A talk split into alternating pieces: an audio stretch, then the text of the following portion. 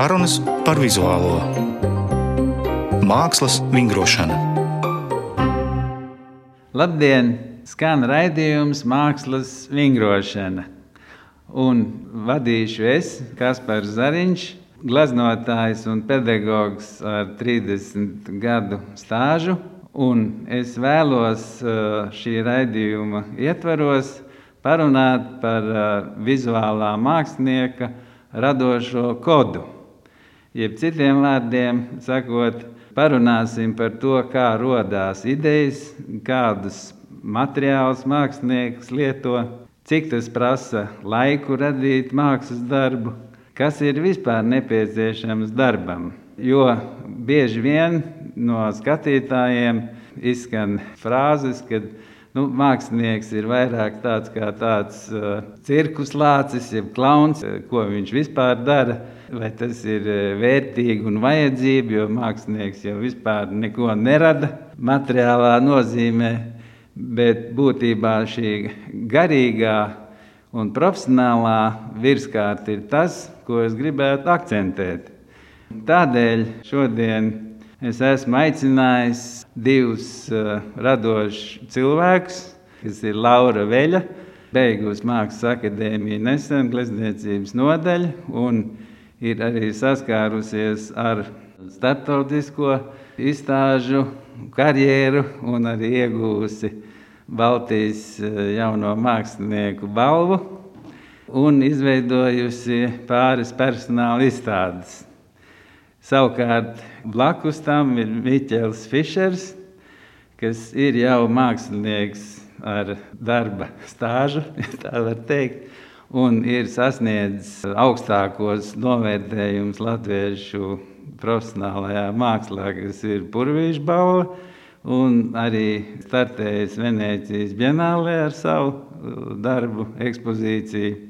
Un abi no šiem minētajiem māksliniekiem ir absolvējuši Mākslas akadēmiju glezniecības nodaļu un ir atraduši savu mākslas ceļu ne tikai glezniecībā, bet tā skaitā arī scenogrāfijā, animācijā un grāmatu ilustrācijā, vairāk ir mazāk.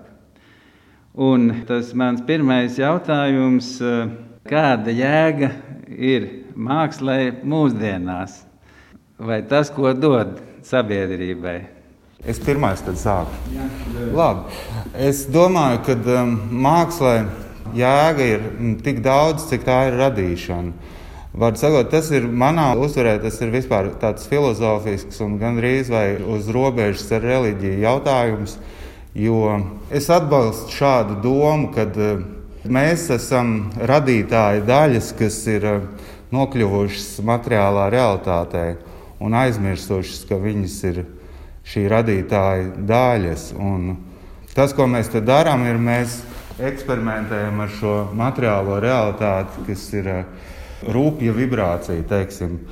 Un eh, šis radīšanas process sagādā acīm redzot tādu gandarījumu un baudu, jo tas ir tas brīdis, kurā mēs atgriežamies pie tās savas īstās būtības. Ja reiz mēs tiešām esam radītāji daļas, tad tā ir tā mūsu īstā funkcija. Vai nu mēs būvējam ķeblīti no koka, vai mēs radām mākslas darbu, tas ir tikai jautājums, cik dziļi tajā ieejam. Jo nu, tieši tāda mākslas darbu radīšana, tā jau ir tas virsuzdevums. Tas arī varētu būt atbilde kādai māksliniekam, kad viņš ir reiz sāk ar to mākslu nodarboties, viņš vairs nevar apstāties, jo nu, tas ir tāds piepildījums. Ko tu saki, Laura? Man šķiet, ka māksla ir tāds izaicinājums un arī uh, prāta paplašināšanas instruments. Māksla var būt arī ierocis mūsdienās, jo katrs vēstījums var būt gan dāvana, gan ierocis nodot idejas. Un, kā mēs zinām, domājoši cilvēki vienmēr visos laikos ir uzskatīti par bīstamākajiem cilvēkiem. Vēl nesenajos padomu laikos daudz māksla tika uzskatīta par bīstamu, jo viņi var rosināt ne tādu domāšanu, paplašinātu domāšanu, kritiskāku domāšanu. Un tāpēc man šķiet, ka kritiski domājoši cilvēki ir ļoti būtiski sabiedrībai, lai nerastos visādas totalitāras varas. Kritiski domājoši cilvēki nebūtu gluži tā pati patērētāja kultūra. Jā, nu, un kā papildu jautājums, vai jums ir gadījies, ka vara jūs ietekmē? Nu, man, man ir laimējies, ka man vara neietekmē. Jā. Man ir, man ir gadījums bijis, jā, man eh, to pašu man nelaimīgo vai laimīgo diplomu darbu reiz aizliedza izstādīt viļņus eh, mūsdienu mākslas centrā, jo tur bija nu pat bijis eh, reliģisks skandāls par kādu iepriekšējo izstādi, un izstāžu zāles vadītājs baidījās, ka būs vēl viens. Tā kā viņiem katoļu baznīca ļoti spēcīgi tomēr ietekmē sabiedrisko viedokli, un tie bija 90. gadi vēl. Tad šos darbus iekļāva katalogā, bet pašus neizstādīja. Jā, nu un tad turpinot sarunu. Pēc jūsu domām, vai mūsdienu mākslā notiek attīstība ja mēs izslēdzam to, kādā materiālā viņi taisīti, vai tur ir izmantotas digitālās lietas, ja nav, vai tur ir klasiski gleznots, bet tajā saknē, tajā sērdē. Vai māksla cauri gadsimtiem ejot, viņa vispār attīstās. Ja vienkārši mākslinieks, eh, ja viņš ir patiesa, viņš piedzimst to savu kodu un viņu realizē. Un tā attīstība ir teiksim, ja mēs salīdzinām seno Romu, Grieķiju, Eģipti. Un mūsdienās, piemēram, vai mēs degradējamies, attīstāmies, ja vispār kas notiek ar mākslu. Jā, ļoti labs, pareizs man šķiet jautājums, tāpēc, ka jautājums ir plašs. Viņš ir par to, vai vispār šī civilizācija attīstas šobrīd, vai viņa degradējas. Nu, pilnīgi skaidrs ir tas, ka viņi specializējas. Tāpat tieši māksla. Ja nu viņa gadījumā neattīstas, bet degradējas, tad viņi pilnīgi noteikti specializējas un sazarojas aizvien vairāk un vairāk. Kas attiecas par tādām klasiski profesionālām, tehniskām lietām, tur jau tas ir acīm redzami, kad viņi degradējas. Nu, teiksim, tieši glezniecības formātā. Es nezinu, man šķiet, to vērtēt varēs pēc gadiem, 100, 200, ne no iekšienes, bet no, jau no laika distances. Kas tad ir noticis šais laikos? Laurai vēl būs jārunā par šo, bet mēs varam pievienot vai profesionālitāte un sauktā amatnieciskā daļa. Cik proporcionāli jūs prāt māksliniekam vajadzīga šī amatnieciskā prasme?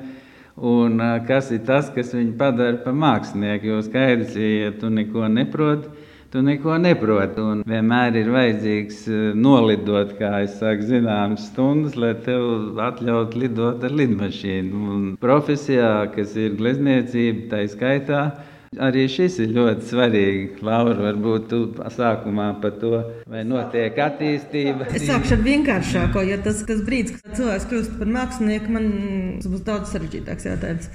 Attīstība nu, tajā ziņā ir vienkāršāka. Es piekrītu, ka mm, to attīstību novērtēt noteikti varēs no lielāka attāluma nekā mēs tagad šī mazā nogriezienī varam viņu redzēt. Bet es īsti nepiekrītu, ka attīstību vispār var iespējams vērtēt kā degradējošu vai labu. Manuprāt, attīstība vienmēr notiek ātrākā vai lielākā mērā. Par to pašu degradējošo būtību tā pati mākslas vēsture ir rādījusi, ka ļoti daudz, tas, ko mēs tagad uzskatām par meistardarbiem, kaut kādā brīdī bija uzskatīti par degradētiem elementiem, kas rada degradētas mākslas darbus. Noteikti šis brīdis ir pilnīgi citādāks nekā jebkas, kas bijis uh, gadsimtos, jo mēs dzīvojam pilnīgi citādākā vidē. Es nerunāju tikai par tagadējo vīrusu vidi, es runāju par tādu tīri informatīvo vidi. Nekad iepriekš nav bijis cilvēkam piekļuve tik uh, milzīgam informācijas plūsmai uh, šiem visiem sociālajiem tīkliem.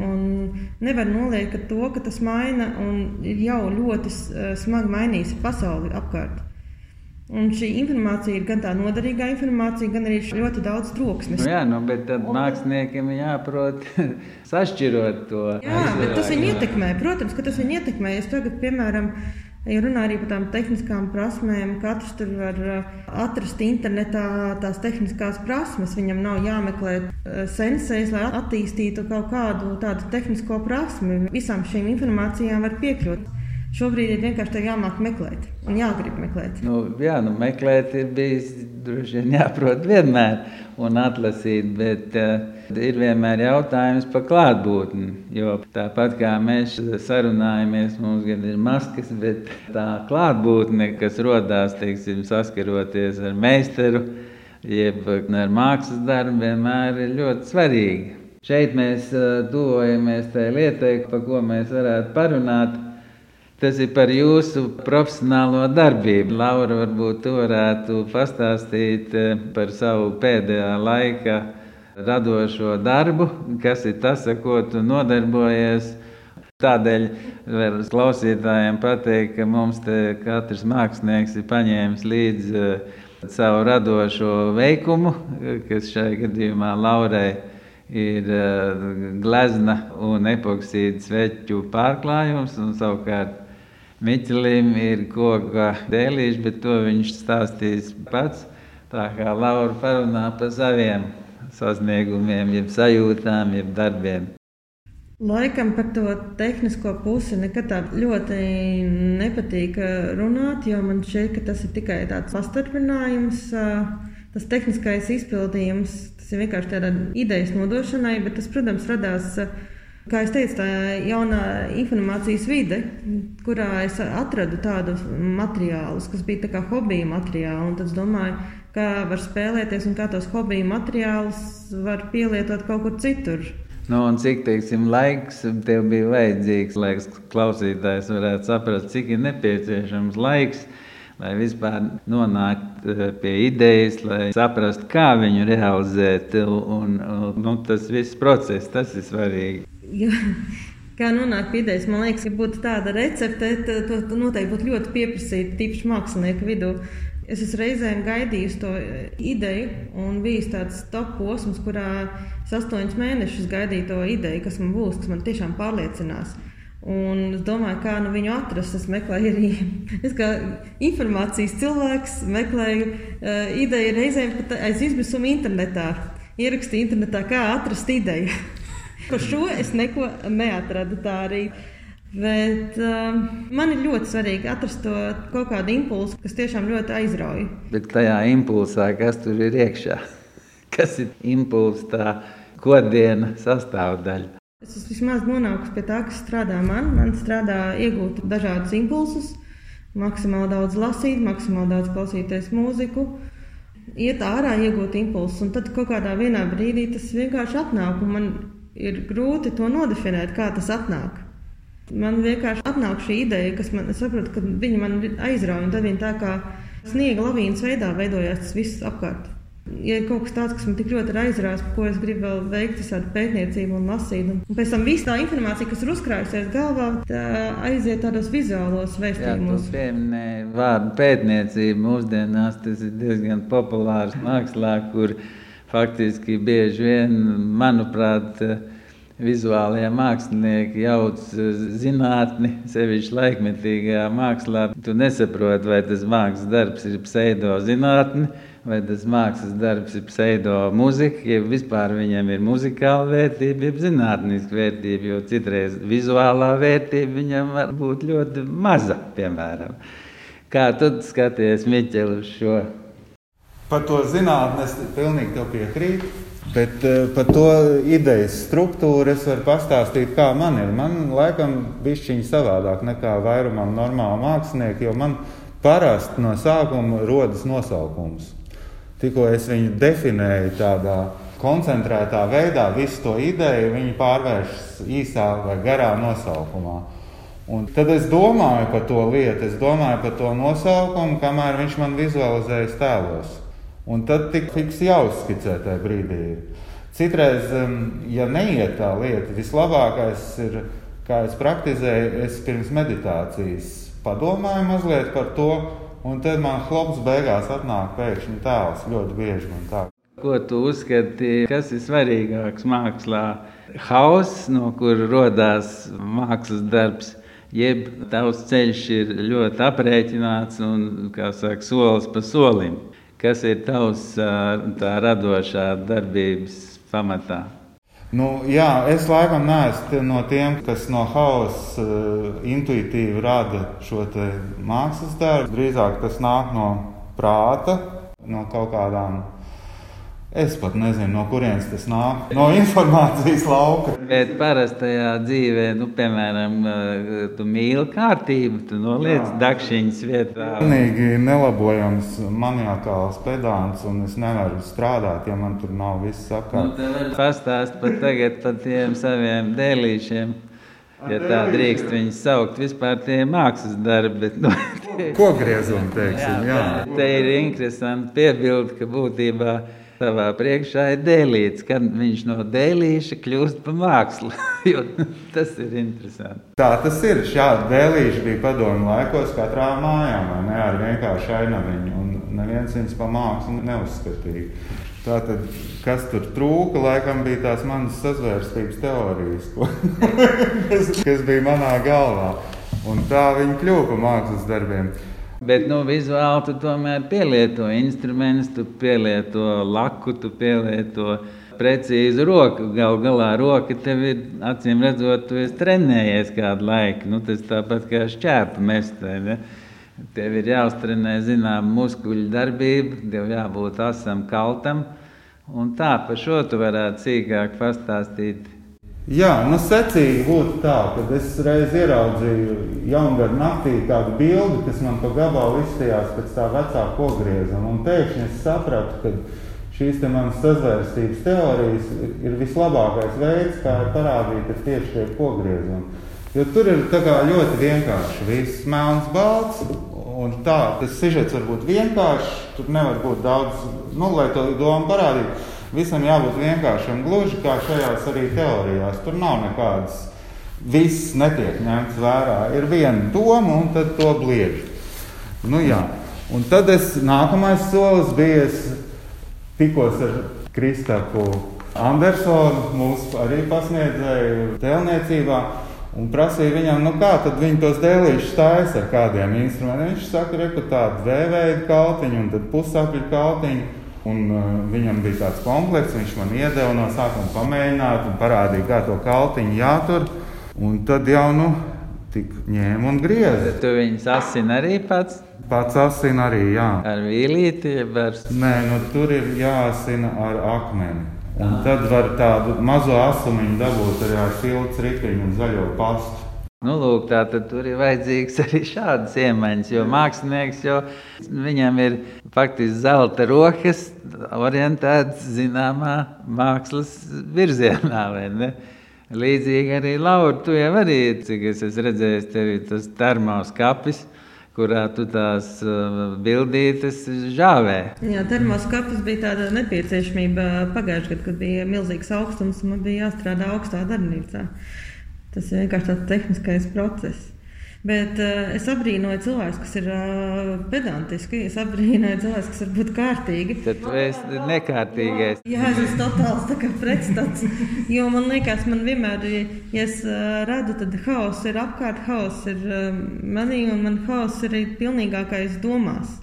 Un, bet patiesībā likā, tas haoss man ir nepieciešams, bet viņš vienlaicīgi ir šausmīgi traucējoši. Ir visas tās gan labās domas, gan destruktīvās domas. Un, Un reizēm viņa tik ļoti daudz, ka pat ir grūti vispār uzsākt. Vai tu pamanīji, ja, piemēram, kāds ir iegājis tavā darbnīcā un pārvietojis vienu krāsu, jeb ķeblīti, vai tu tajā haosā tu to ievēroji? Nē, Es īsti neievēroju, bet pārsvarā neviens manā darbnīcā neiet. Ir tīpaši tādā haosa stadijā, droši vien viņa īsti neviens nevar iekāpt, jo domā, ka tu nosmērēsies. Bet es esmu sapratis to, ka ja tas haoss ir kļūst uh, pilnīgi traucējošs. Man, protams, arī tās savas meditīvās metodas, nezinu. ko tu dari meditējot? Un Tas nav gluži tā meditēšana. Man ir jau sastādīts uh, īpašais mūzikas saraksts. Es esmu atradusi tos uh, komponistus, uh, kuri man spēja to prātu noklusināt, tad tā mērķa prāts tā kļūst tāds mierīgs. un tad Tā, tā mūzika man palīdz tajā apziņas plūsmā nonākt un radīt to tēlu. Mākslas vingrošana. Šobrīd skan raidījums Mākslas vingrošana, un mūsu tēma ir mākslinieka radošais kods. Un studijā ir viesi Laura Veļa un Miķels Fišers. Vai jūs abi varētu piekrist domai, ka, piemēram, māksla radās no procesa, un tad, kad jūs pieslēdzaties tai sauktā nezināmajai, jeb augstākajai telpai, tas faktiski notiek parasti.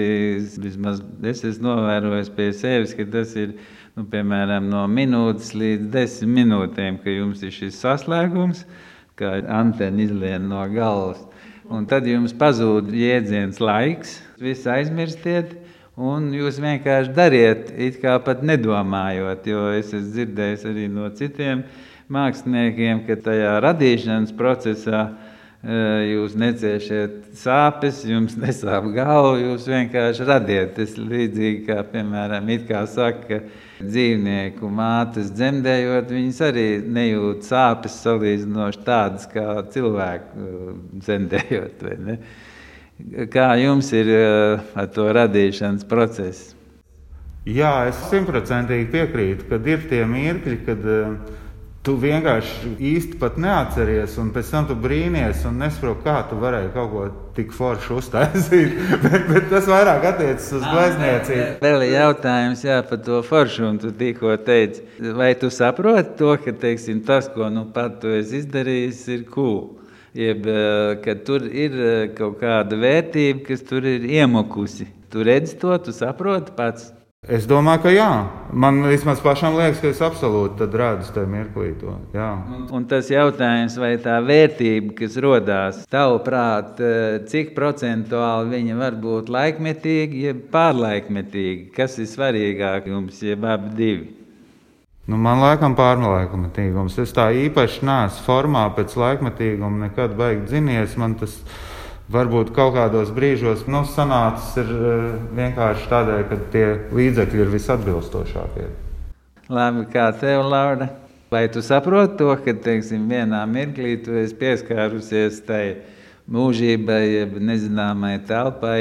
ka tev pēkšņi ir sanācis tas, par ko tu varēji sapņot, nu, piemēram. Es laikam domāju, ka tāda unikāla telpa, kam pieslēgties, es ne, nezinu, kam es pieslēdzos. Bet ir kaut kas tāds, ka tas atnāk. Un ir kaut kas tāds, ka es drīzāk tā, es pieslēdzos pirms tam, un pēc tam es vienkārši uh, daru. Varbūt man nav šis moments, ka skatos, oh, tas ir kaut kas baigs superīgais. Es drīzāk uh, pēc kāda laika apskatos un Un tikai domāju, ka kāpēc es kaut ko tādu vispār esmu uzlikusi uz, uz tā dēlīša vai audekla, kāpēc es vispār kaut ko tādu esmu darījusi. Tā analīze jā, nāk, nāk pēc tam.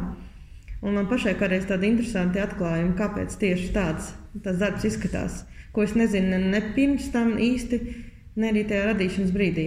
Nu, un, ja runā par materiāliem, un ja jūs gleznojat, vai formātam ir nozīme, ja nav. Nu, man patīk galējības. Jā, man ir tā kā 5 metri reizes 4, un tad ir A4. jā.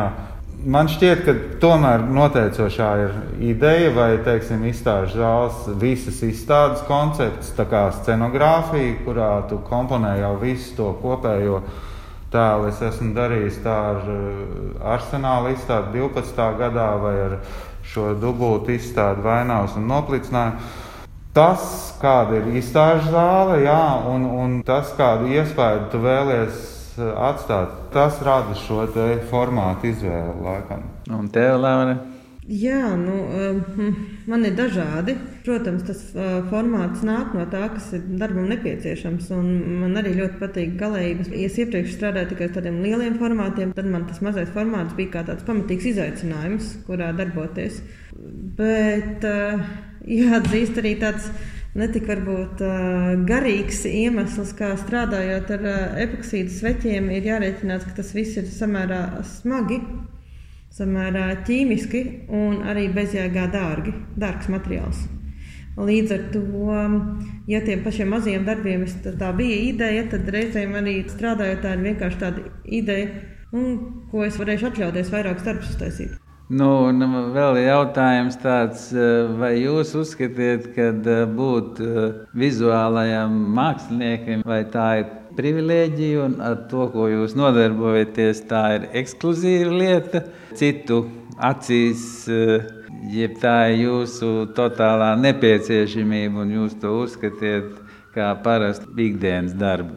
Um, tas mākslinieka status jautājums man kādreiz nodarbinājis. Es domāju par to, ka kā viņš ir ceļojis. Ja iepriekš tas mākslinieks bija kaut kas ļoti cienījams un cēls un novērtēts sabiedrībā, tad kaut kādā brīdī tika veikta tā mākslinieka statusa destruktizācija. Es saprotu to ideju, kādā tas bija veikts, ka no tāda dieva nolikt to uz zemes, ka tas ir parasts darbs. Tad šis ir tas brīdis, kad tas status ir Nu, tas, tas, ka viņi novilka no tā piedestāla, ir bijis aizgājis tādā nekontrolējamā plūsmā, ka šobrīd mākslinieka statusam, manuprāt, tā nozīmība ir diezgan kļuvusi apšaubāma. Jāatzīst, ka es negribētu to kā tādu feministisku momentu ieskicēt, bet, manuprāt, visgrūtāk tas ir arī sievietēm. Jo tagad, tu pajautā, nu, ko tu, tu dari, un tu atbild, ka tu glezno, un tad kādreiz ir tāds, vai cik tev jauks hobijs. Nu jā, tas būtu jālauž šis stereotips, tāpēc, ka man viedoklis ir, ka mākslinieka darbs tas ir reāli gan fiziski, gan garīgi ļoti smaga lieta. Jo principā atvaļinājumu jau mums nav, tāpēc, ka tu no rīta piecelies un tu vienmēr domā par to, ko tu dari, kas būs nākamais, kā pārsteigt sevi primāri. Es īsti eh, arī neizprotu, kāpēc tev patīk tavs darbs tas ir pēkšņi kļūst par hobiju. Manuprāt, katram cilvēkam būtu jāstrādā darbs, kas viņam patīk. Jā, nu, jebkurā gadījumā, jebkuram darbam būtu jāiemieso šis hobijs un profesionālā lieta. Vēl varētu būt augstākais goda nosaukums māksliniekam, ja viņš iegūtu nosaukumu dievišķais, kā agrāk teica, dievišķais varbūt Rafaels. Jo faktiski radot mākslas darbu, iemieso nezināmas dievišķās daļiņas, jo tas darbs ir vērtīgs cauri gadsimtiem, ja tas darbs tiešām ir vērtīgs. Un, un viņš ir tevi runā, kā es saku, glezna ir mūžam neizslēdzams televizors. Ja no labas gleznas jūs varat uzrakstīt grāmatu, jūs varat uzņemt filmu, jūs varat sarakstīt vēsturisks romāns. Un viņš vienmēr jūs uzrunā savādāk, un katra paudze saskata tur kaut ko pilnīgi citu. Vai jūs esat gatavi, ka jūsu darba nākotnē būs uh, kāda mūžam neizslēdzams televizors, jeb ekrāns? Vai jūs to gribētu? Nu, nāks jau samierināties ar to. Īsnībā es šobrīd tieši saskaros ar šo mūžīgumu tēmu, jo es esmu uzņēmies jaunu projektu, kur es um, gravēju granītā zīmējumus. Tas tā tad ir uz mūžiem. Nu, dēlīts jau, nu, cik nu viņš tur simtiņus gadu labi ja izvilks, bet tas granīts tas paliks pēc grēka plūdiem. Un tad ir pavisam cita atbildība Tad ir tā, ka ir jādomā par katru lietiņu un kā tas nozīmē. Vispār ir baigi interesanti. Pat glezniecībā es neesmu sajūtis to mūžības pieskārienu nekādā veidā. Šādi. Kaut gan nu, man ir darbi muzejā, Rīgā, Helsinkos. Nē, tas ir kaut kas cits. Tas akmens viņā ir baigais spēks kaut kāds. Jā. Jā, dabas radītais spēks, kurā tu ieliec savu daļu. Jā. Nu, kā tev, Laura? Vai par to mūžību? Man tas viss vienmēr tik ļoti svārstās. Jo mm, es tagad vēlos kļūt par ļoti atbildīgu cilvēku attiecībā pret dabu, šķiroju atkritumus. Un tad man reizēm šķiet, ka varbūt šķiroju atkritumus, kā tam jēga, varbūt es radu atkritumus. Varbūt šī mana daudzā māksla patiesībā ir atkritumi šai planētai. Un tad tas ir tāds no, no svārstības, no tā brīža, kad varbūt tas būs kaut kāds iedvesmojums, līdz brīdim, kad tas būs atkritums. Un tas ir kārtējais, ko varēs noteikt, noteikt tikai nu, pēc kāda laika. Tad kas tas ir, ko es esmu izdarījis? Atkritums vai arī tomēr kāds iedvesmas avots vai mākslas darbs, vai tas būs kādam vismaz uz kādu laiku? Transformēta matērija. Tas ir brīnišķīgs formulējums un patīk. Labi, uz šīs gaišās nots arī beigsim. un es novēlu jums sasniegt uh, nākotnē status dievišķais un dievišķā. Es vēlos pateikties uh, raidījuma dalībniekiem, kas bija Laura Veļa, uh, gleznotāja māksliniece, kā arī Miķels Fišers, tāpat gleznotājs mākslinieks plašā nozīmē. Un raidījumu vadīja Kaspars Zariņš, glaznotājs un mākslinieks. Producente Inta Pīrāga un uz tikšanos mākslas telpā. Raidījums tapis ar valsts kultūra kapitāla fonda atbalstu.